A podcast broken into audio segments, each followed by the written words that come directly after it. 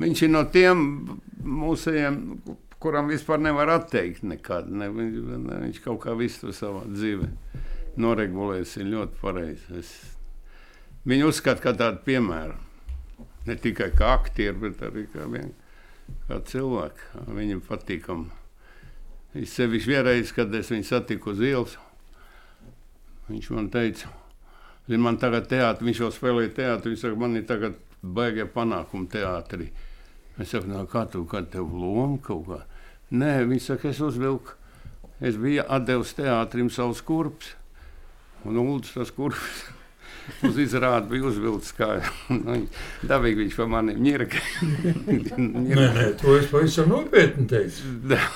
ne tikai vienā izrādē, vairākās izrādēs. Tā bija labs kurps. Bija, nu, es atdevu, nu, teātris ir jāatbalsta. Nu. Tās kurps bija ļoti labas.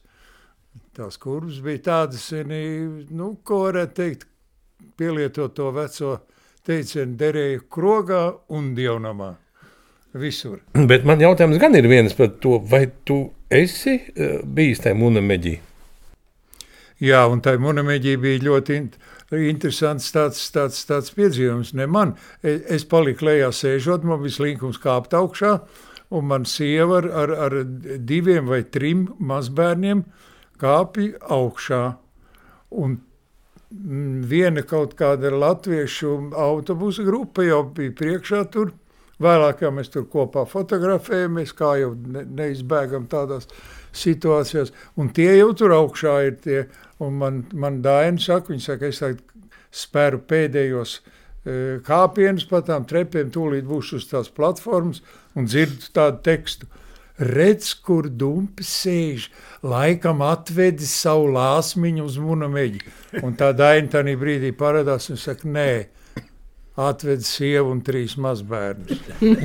Taisni tā kā uz galvārdiņa, kā iznīktu au, augšu platformā. Uldis ir stāstījis, ka, ka viņam ir vismaz četri radioaparāti mājās, un viņš viņus pārnēsā kā tāda kaķene savus, savus kaķēnus. Un, un Uldis arī stāsta, ka viņš ceļš pēdējos gados ar lielu interesi klausās uh, radio sarunas ar cilvēkiem, un tās viņam esot kā tāda pozitīva uh, vitamīna deva, tad nu, mans pirmais jautājums tev būs par radio.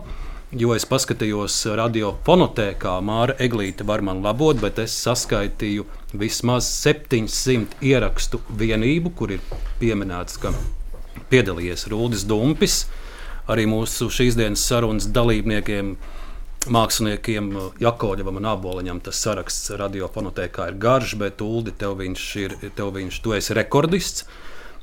Tu esi daudz bijis ierakstos, bet tev ir bijuši vien pāris, pāris epizodes, kad tu esi bijis tiešraidē pie radio mikrofona.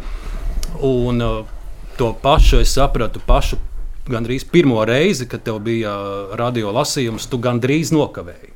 Mans sievas tēvs pavasarām dzīvoja Dolē, un man bija jānogādā uh, meita, kurai toreiz bija laikam kādi trīs gadiņi, Nu, pie viņa aizved, un ar kuģīti mašīnas man nebija. Mēs te nu, dolas kuģīti līdz Annuškai gāja.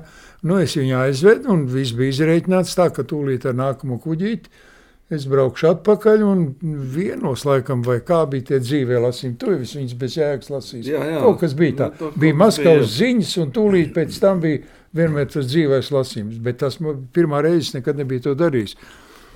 Nu, pēkšņi tas kuģis nav tas, ar kur es biju paredzējis braukt. Un, un es braucu ar nākošo. Nu, Teorētiski es varu paspēt, bet, nu, zinu, kuģis ir kuģis. Bet tajā laikā jau nebija ne telefona, tā kā padot ziņas, nē, neko, neko. Un tad es, es tik zinu, ka es pie sienu tirgus, viņš, nu, pie, pie, pie centrāla tirgus, un tur, tur izkāpa ārā, es skrēju tai vecrīgai cauri, silta vasaras diena, Diktoram jau bija iedots teksts, tas jau, skat, jau skatīja, jau gatavojās manā vietā lasīt. Un es atskrēju un sāku lasīt, un nebija jau nekas cits, kā tas trakākais, ka tad sāk tie sviedri gāzties. Un man tie sviedri tecēja acīs šitā iekšā, un es, es nevaru saredzēt, ko es tur lasu. Un tad es tur brīžam, man liekas, murgoju no sevis, un brīžam tā lec pāri mēģināt tās to sviedrus laucīt. Jā. Un tad no tā laika es pārvilku svītru. Šie jau ģērts un intis un ādermanis, viņi jau palekdamies nāca uz tiem dzīvajiem. Labāk uz dzīvo nekā uz, uz Ierakstu. ierakstu. Bet es ne, un vēl viena reize es biju kaut kādā, bet kaut kādā ļoti sīkā. Un tad, tad man, man bija kaut kāds aizspriedums, es baidījos un cauri. Tavā dzīvē ir bijuši dažādi pagriezieni, sāpīgi pagriezieni, dzīves brīži, kad ir bijis jāsāk no gala. Kas ir bijis tas tavs spēks, uh, spēt saņemties, piecelties un turpināt dzīvot no gala? Grūti jau pateikt vienu, vienu kaut kādu punktu, kas, kas teiksim, ļāvis pārvarēt daudz ko. Nu, tā ir pati dzīve, cilvēki apkārt. Man, man vienmēr ir bijuši apkārt labi cilvēki. Es nevaru tā teikt, ka, ka, ka, ka man nebūtu palīdzējuši. Man, man vienmēr es, man ir veicies ar, labi, ar, labiem, ar labiem cilvēkiem, gan kolēģi, gan draugi. Viss tāpat tās man ģimene vienmēr ir ļoti, ļoti atbalstījusi. Es domāju, ka tas ir tas galvenais, kad, kad es nekad neesmu jūties tāds vientuļš un pamests. Ne, ne priekos, ne bēdās. Un tas tā, tā, tā varētu atbildēt.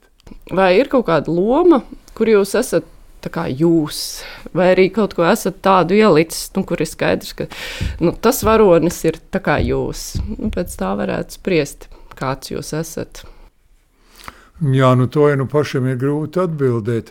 Es, es, es varētu teikt tā, ka teātris kritiķis Lilija Zene, kur es ļoti, ļoti cienīju, viņa man e, teica tā, e, ka man, mana vislielākā kļūda kā, kā aktieriem ir, ir tā, ka es e, īsti nekad neatklāju sevi, kad es vienmēr slēpjos aiz kaut kāda tēla, aiz, aiz, aiz tā. Un tā laikam tas tā, droši vien, ka tā tas ir, jo es domāju, ka tas viņai no malas bija, bija labi, labāk redzams, nekā es to sajūtu varbūt.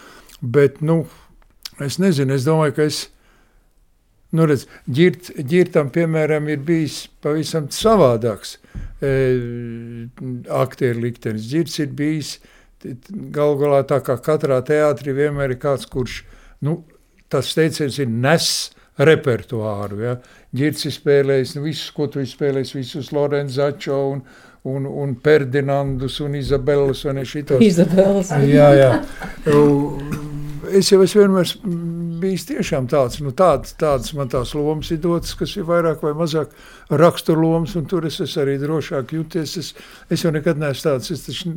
Es Tu domāju- esi spēlējis Liljonu, un tu esi spēlējis Napoleonu. Nu, jā, nu, labi, labi nu, ka tā, tā jau kas sāks rēķināt. Bet, bet, bet tas nav, nekad nav bijis tāds dominējošs. Tas, es domāju, ka es esmu pēc savas būtības diezgan vienkārši paņēmieniem tēsts, eh, tēsta malkas pagala, bez kaut kādām lielām sarežģītām vibrācijām. Tā kā es varētu teikt, tā kā mīļākas lomas vienmēr, es nezinu, ko ģirts atbildēt, bet, bet es teiktu, tās droši vien, ka tās arī paliek arī ilgāk prātā, jo mēs jau arī daudz ko aizmirstam. Es esmu tā izgāzies, ja mēs sēžam tagad radiofonā, izgāzies pats priekš sevis. Man savulaik bija ārkārtīgi mīļš e, romāns Heilija lidost. Man tā patika, es lasīju to Heiliju, viņa nāca Inostranī literatūras žurnālā, viņa nāca turpinājumos. Es nevarēju sagaidīt, kad būs tāds turpinājums. Man tā tas gabals patika.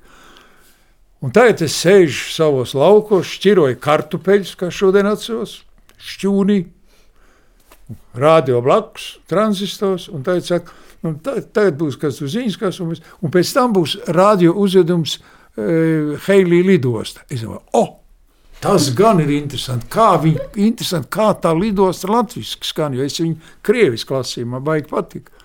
Nu, pēc brīža tā, nu, sākās tā, tā, tā ra- radio nu, pieteikums, vai ne, šitas viss. Galvenajā lomā Vernons Dimris, Ultis Dumpis. Es domāju, ak, kungs, Dievs, es tā es aizmirsu, ka Šalkonis viņu ierakstīja, ka mēs šeit ierakstījām. Un es taisos ar lielu interesi klausīties, kā tas Kā te redzēt, ar tām lomām te ir, ka tu bieži vien jau neatceries. Man ir rādio, es varētu teikt tā, tā trīs etapi. Savā bērnībā es ļoti daudz klausījos radio. Zinu, kā laukos dzīvodams, visus aktierus pēc, pēc balss es pazinu. Nekad ne, nezināju, kāda viņi izskatās. Bet bija arī balss. bija arī balss, jā. Tas bija pirmais periods, kad ļoti radio klausījās. Nebija jau tās televīzijas. Nākošais periods bija barikāžu laiks. Nu, atcerieties, tad, mēs visi staigājām ar, ar tranzistoriem pie auss bailēs kaut ko palaist garām. Un trešais periods ir tagad, Jā. kad man, diemžēl, tā redzēšana paliek ar, ar katru mēnešu švakāk. Es to televīziju vienkārši neskatos. Nu, tad es desmitos vakarā noklausos ziņas, un piecas pār desmitiem. Tad es klausos Tas viens no briesmīgākajiem lūgumiem, ko es dzīvē simtām reizes saskāries. Nu, padziedi kaut ko. Jā, jā. Tu, teiksim, tu brauc ceļojumos kādreiz daudz, ne, ko tev prasīja autobusu, neprasīja neko. Nu, vai pārunā, nu, noskaidro zējolīti vai kaut ko tādu līdzīgu. Nē, vai es tā kaut... īsti neatceros, kad man tas būtu prasīts. Nē. Neko neliek darīt. Lūdzu, dūms, mums vienā autobusā un neko. Nē, kaut kā laikam es nezinu. Es, tie cilvēki laikam apzinājās, ka mans līmenis jau tālāk pa Dresleru nesniedzās. tas ir apmēram tas, tas mans dzējas krājums, ko es varu noskaitīt. Tikai tāds, ka mīla krūtīs, naktī blūmīs arī pūtīs. Nu, un tālāk, tādā garā. Bet, Ulu, e, tev ir viens dzīslis, ko tu mēģini skaitīt. Protams, ne tā sēžot e, pie galda ļoti svinīgi, un tomēr tu esi teicis, ka tu zini tikai vienu dzīslu no galvas. Jā, es esmu ar viņu uzstājies arī publiski teātrī. E, sieviešu dienā mēs sveicām mūsu dāmas, un tad es skaitīšu šo dzīsli.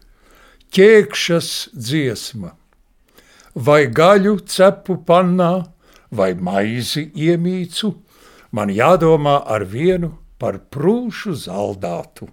Tam zobins as pie sāniem, pie lūpām blumīzers, tam kumeļš lielām nāsēm pēc sugas englenders.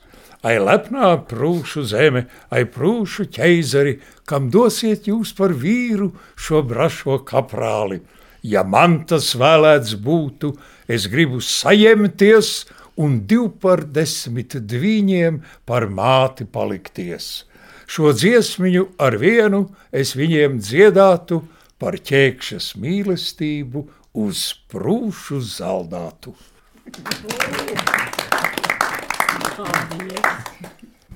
Īsas dziesmas nav garas.